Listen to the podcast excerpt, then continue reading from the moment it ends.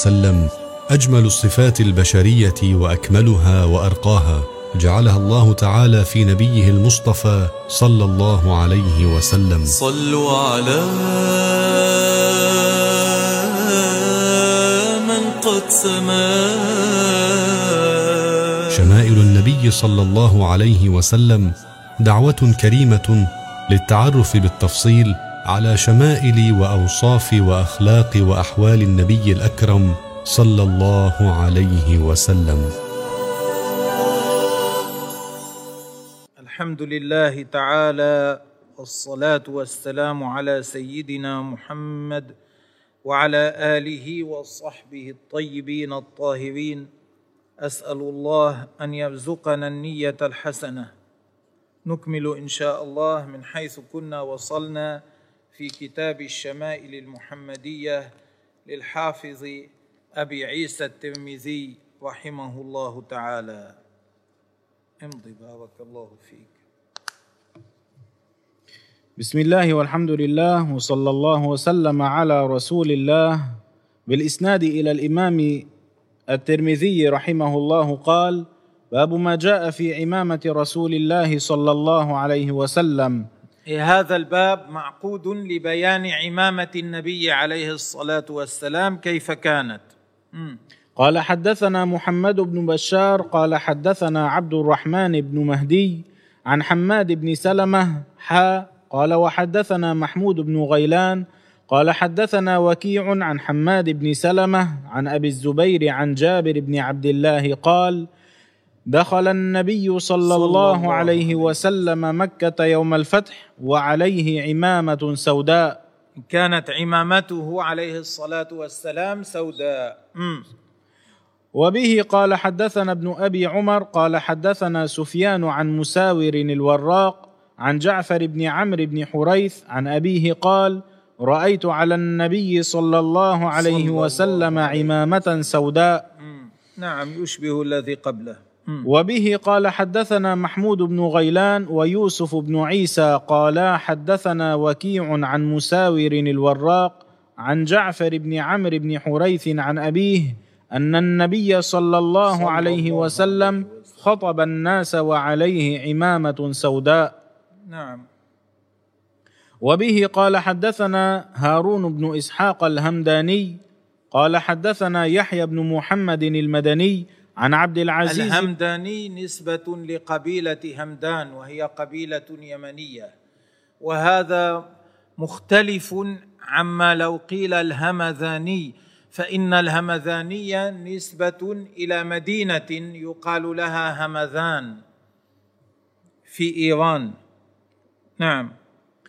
قال حدثنا يحيى بن محمد المدني عن عبد العزيز بن محمد عن عبيد الله بن عمر عن نافع عن ابن عمر رضي الله عنهما قال كان النبي. صلى الله عليه وسلم إذا اعتم.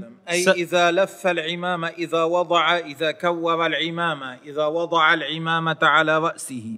سدل عمامته بين كتفيه جعل لعمامته عذبة هذه العذبة جعل لعمامته عذبة وسدلها بين كتفيه صلى الله عليه وسلم. نعم أنزلها تركها تنزل بين كتفيه. والعمامة تحصل السنة بها.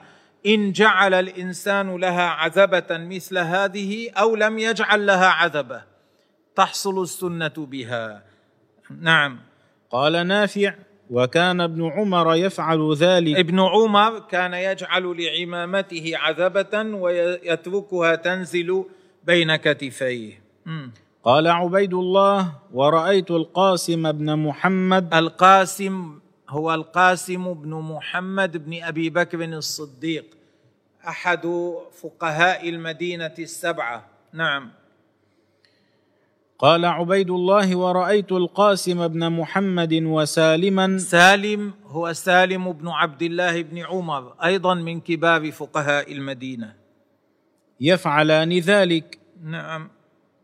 وبه قال حدثنا يوسف بن عيسى قال حدثنا وكيع قال حدثنا أبو سليمان وهو عبد الرحمن بن الغسيل.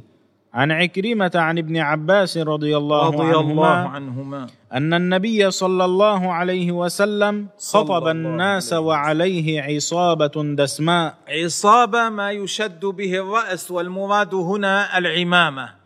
وعلى رأسه عمامة دسماء. الدسماء يعني لونها مائل إلى السواد.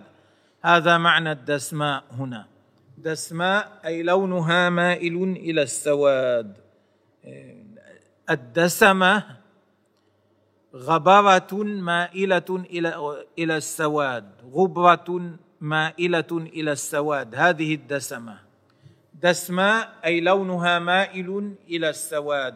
بل في بعض الروايات لهذا الحديث أنه كان يضع عمامة سوداء وهذا يدل على أن هذا هو المراد بكلمة دسماء هنا. نعم. باب ما جاء في صفة إزار رسول الله صلى الله عليه وسلم. هذا الباب معقود لبيان صفة إزار النبي عليه الصلاة والسلام. والإزار ثوب قطعة قماش يلف على الجزء الأسفل من البدن كما هو مشهور آه، في أيامنا بين أهل اليمن وغيرهم وبلاد أخرى يلب- يلبسون هذا الإزار نعم كبلاد الحبشة وبلاد الصومال وغيرها وبلاد الهند وغيرها. يلبس وبلاد أندونيسيا وغير ذلك يلبسون هذا الإزار الذي هو قطعة قماش ثوب يلف على الجزء الأسفل من البدن. نعم. وبه قال حدثنا أحمد بن منيع. تت- يتزر به الرجل وتتزر به المرأة. نعم. وبه قال حدثنا أحمد بن منيع قال حدثنا إسماعيل بن إبراهيم قال حدثنا أيوب عن حميد بن هلال عن أبي بردة قال أخرجت إلينا عائشة رضي, رضي الله الله عنها. كساء ملبدا الكساء هو ما يلبس يوضع يستر به الجزء الأعلى من البدن مقابل الإزار. الإزار يستر به الجزء الأسفل. الكساء قطعة قماش ثوب يستر به الجزء الأعلى من البدن. كساء كساء ملبدا ملبدا له لبد. يعني كساء مرقوعا في بعض المواضع رقع فصارت سماكته في تلك المواضع سمكه في تلك المواضع أكبر من مواضع أخرى. نعم. وازارا غليظا. غليظا المراد به هنا خشنا ليس ناعما. فقالت قبض روح رسول الله صلى, الله عليه وسلم في هذين. يعني هذا كان لباس النبي عليه الصلاة والسلام عندما مات. قبض عليه الصلاة والسلام في هذين وهذا يدلك على شدة إعراض النبي عليه الصلاة والسلام عن الدنيا وعدم مبالاته بها أن كساءه كان ملبدا وأن إزاره كان خشنا غليظا. صلى الله عليه وسلم. الله امضي. وبه قال حدثنا محمود بن غيلان قال حدثنا أبو داود عن شعبة عن الأشعث بن سليم قال سمعت عمتي تحدث عن عمها أنه قال بين أنا أمشي بالمدينة إيه. إذا إنسان خلفي يقول ارفع إزارك. إيه، ارفع إزارك لا تتركه نازلا إلى الأرض. ارفعه. نعم. فإنه أنقى وأبقى. أنقى للإزار وأنقى للقلب. أنقى للقلب بالبعد عن الرياء والعجب وأنقى للإزار بالبعد عن الاتساخ وحمل الأقذار والنجاسات. نعم. فإذا هو رسول وأبقى معناه أحفظ له يستمر عندك مدة أطول. نعم. فإذا هو رسول الله صلى الله عليه وسلم. إيه، فإذا الذي يقول لي ذلك هو النبي عليه الصلاة الله وسلامه. فقلت يا رسول الله إنما هي بردة ملحاء. هذه بردة ملحاء ليس لها قيمة كبيرة. فيها بياض وسواد مختلط. هذا معنى الملحاء. تأنيث أملح. الأملح هو الأبيض الذي فيه سواد. هذه البردة هكذا ما لها قيمة عالية. هذا معناه. فقال أما لك في أسوة؟ أما تريد أما تحب أن تتأسى بي؟ ما لك ما ما لك في أسوة ما تريد أن تقتدي بي نعم. فنظرت فإذا إزاره إلى نصف ساقيه. يعني اجعل إزارك مثل إزاري إلى نصف الساق. وفي هذا إشارة واضحة في هذا الحديث إلى حسن الاقتداء حسن التأسي برسول الله صلى الله عليه وسلم وأن التأسي به مطلوب. في اللباس وغير ذلك في اللباس وفي وفي الأكل وفي الشرب وفي الكلام وفي غير ذلك. وفي المشي وفي النوم وفي السواك وفي غير ذلك. التأسي بالنبي عليه الصلاة والسلام في الأحوال المختلفة مطلوب. قال عليه الصلاة والسلام أما لك في أسوة؟ كما قال ربنا عز وجل لقد كان لكم في رسول الله أسوة حسنة فالتأسي به عليه الصلاة والسلام في أحواله المختلفة شيء حسن مطلوب يمدح فاعله ويحث عليه ولا يعاب عليه ولا يقال ذاك زمن غير هذا الزمن أو ما يشبه هذه الكلمات الجوفاء التي لا معنى لها فإن أحسن الأدب أدب النبي عليه الصلاة والسلام. وخير الهدي هدي محمد عليه الصلاة والسلام. ولا أسوة أحسن من محمد صلى الله عليه وسلم ولا أفضل ولا أرفع. صلاة ربي وسلامه عليه. وبه قال حدثنا سويد بن نصر قال حدثنا عبد الله بن المبارك عن موسى بن عبيدة عن إياس بن سلمة بن الأكوع عن أبيه قال كان عثمان بن عفان يأتزر إلى نصف ساقيه. يجعل إزاره ينتهي من جهة تحت إلى منتصف الساق تاسيا بالنبي عليه الصلاة والسلام. نعم. وقال هكذا كانت إزرة صاحبي يعني النبي صلى, صلى الله, الله عليه, عليه وسلم, وسلم. إزرة صاحبي أي حيث ينتهي إزار النبي عليه الصلاة والسلام من جهة تحت. وبه قال حدثنا قتيبة قال حدثنا أبو الأحوص. الإزرة حالة الإزار وهيئته. على هذه الحال كان إزار النبي عليه الصلاة والسلام. نعم امضي.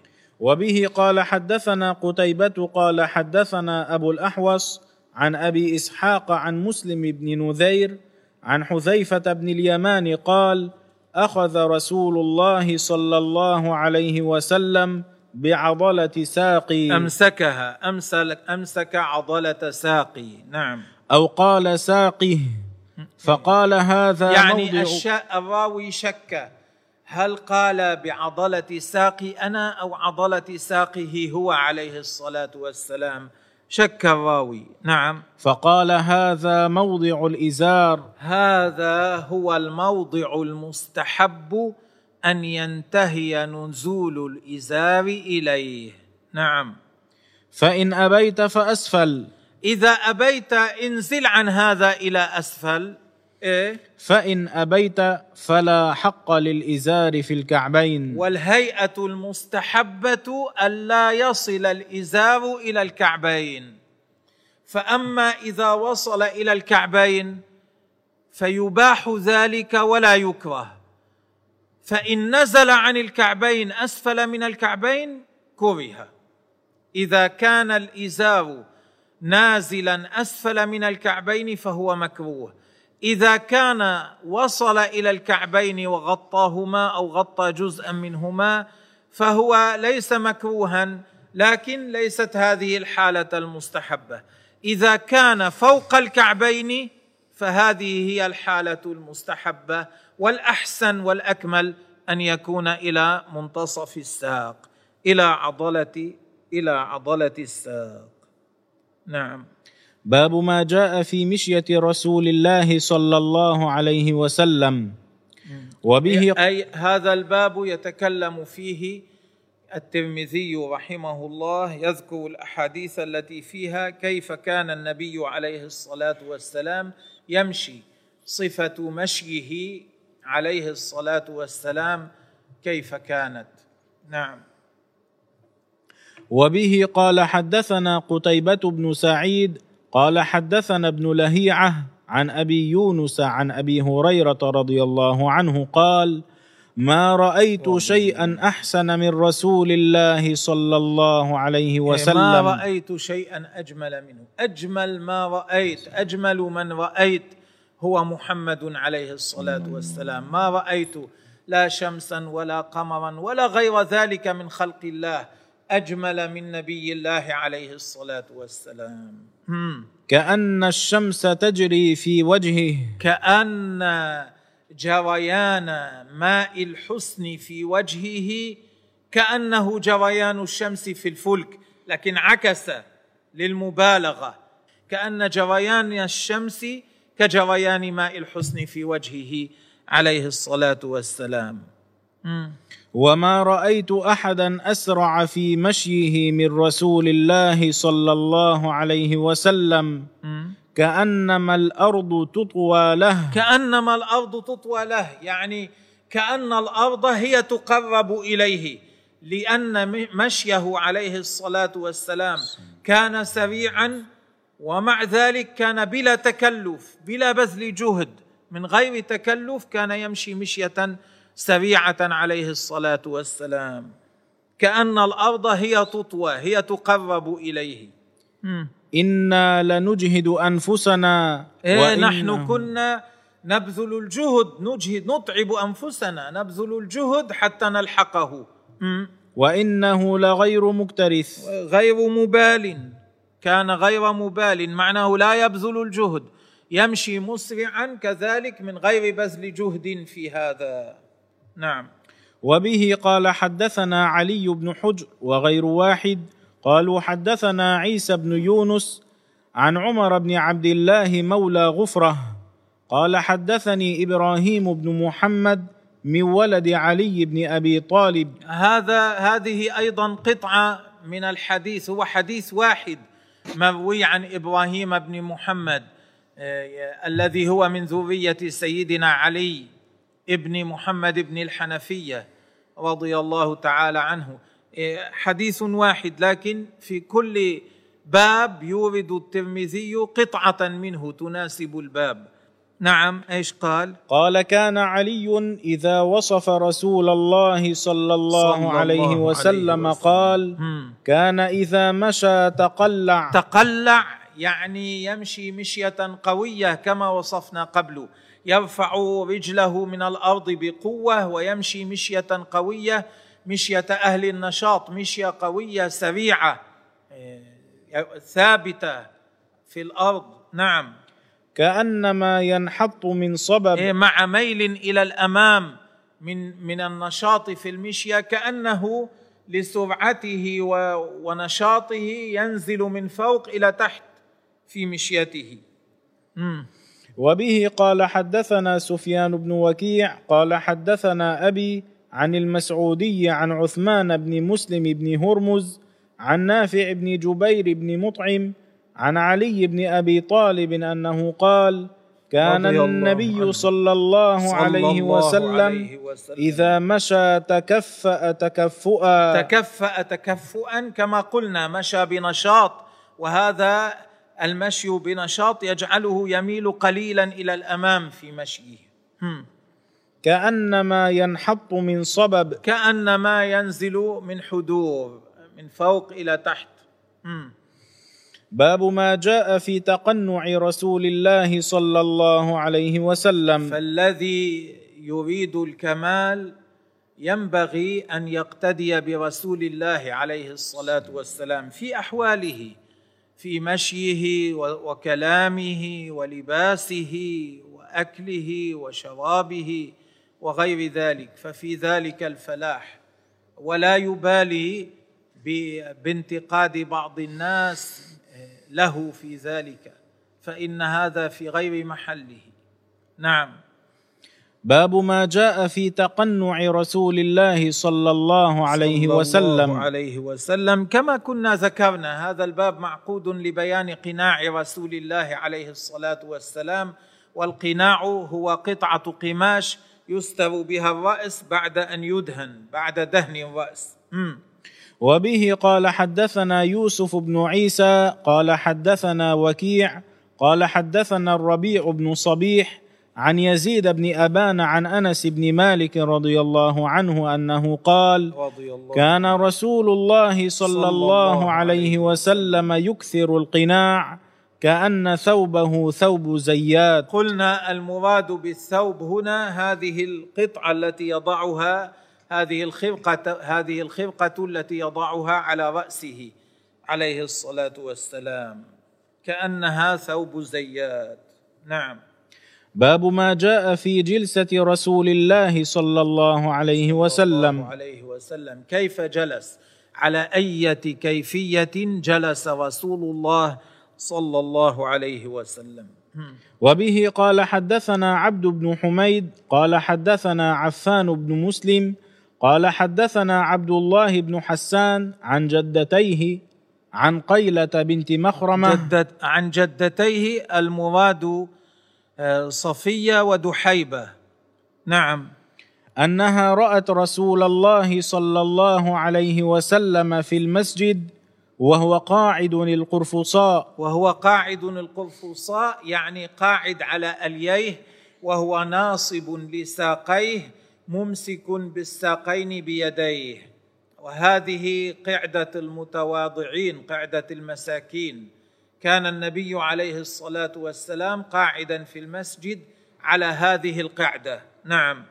قالت فلما رأيت رسول الله صلى الله عليه وسلم المتخشع في الجلسة إيه، المتخشع الساكن الذي هو قاعد على هذه الهيئة ساكنا سكونا تاما. نعم. أرعدت من الفرق. صرت ارتعد ارتجف من الفرق أي من الخوف خوف الهيبة خوف التعظيم الذي وقع في قلبها لرسول الله عليه الصلاة والسلام.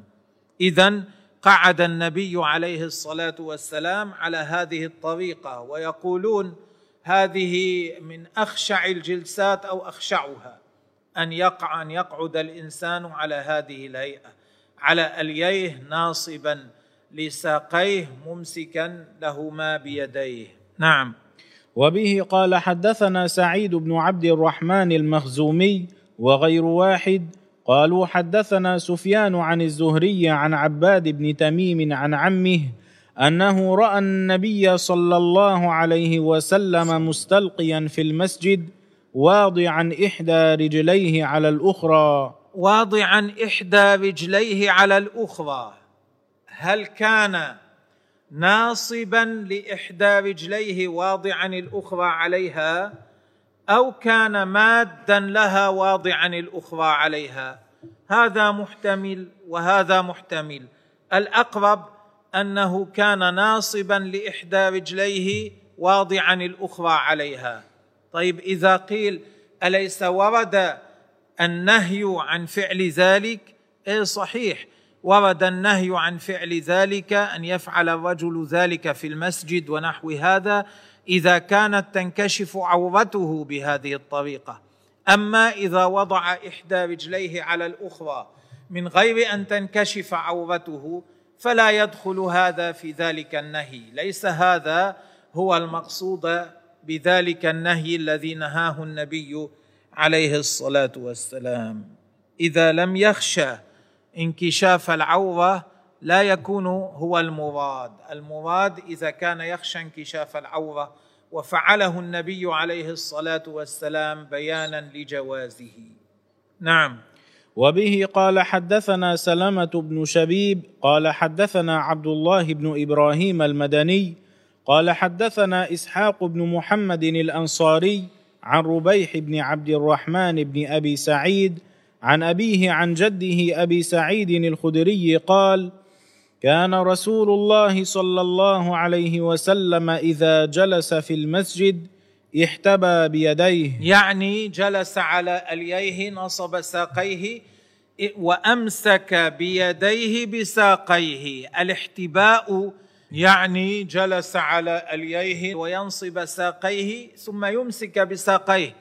إما بثوب إما بعمامة إما برداء أو بيديه. النبي عليه الصلاة والسلام كان يحتبي بيديه. صلى الله عليه وسلم. نسأل الله أن ييسر لنا الاقتداء به في كل أحواله. صلاة ربي وسلامه عليه. ونقف هنا والله تعالى أعلم. شمائل النبي صلى الله عليه وسلم أجمل الصفات البشرية وأكملها وأرقاها جعلها الله تعالى في نبيه المصطفى صلى الله عليه وسلم. صلوا على من قد سما. شمائل النبي صلى الله عليه وسلم دعوة كريمة للتعرف بالتفصيل على شمائل وأوصاف وأخلاق وأحوال النبي الأكرم صلى الله عليه وسلم.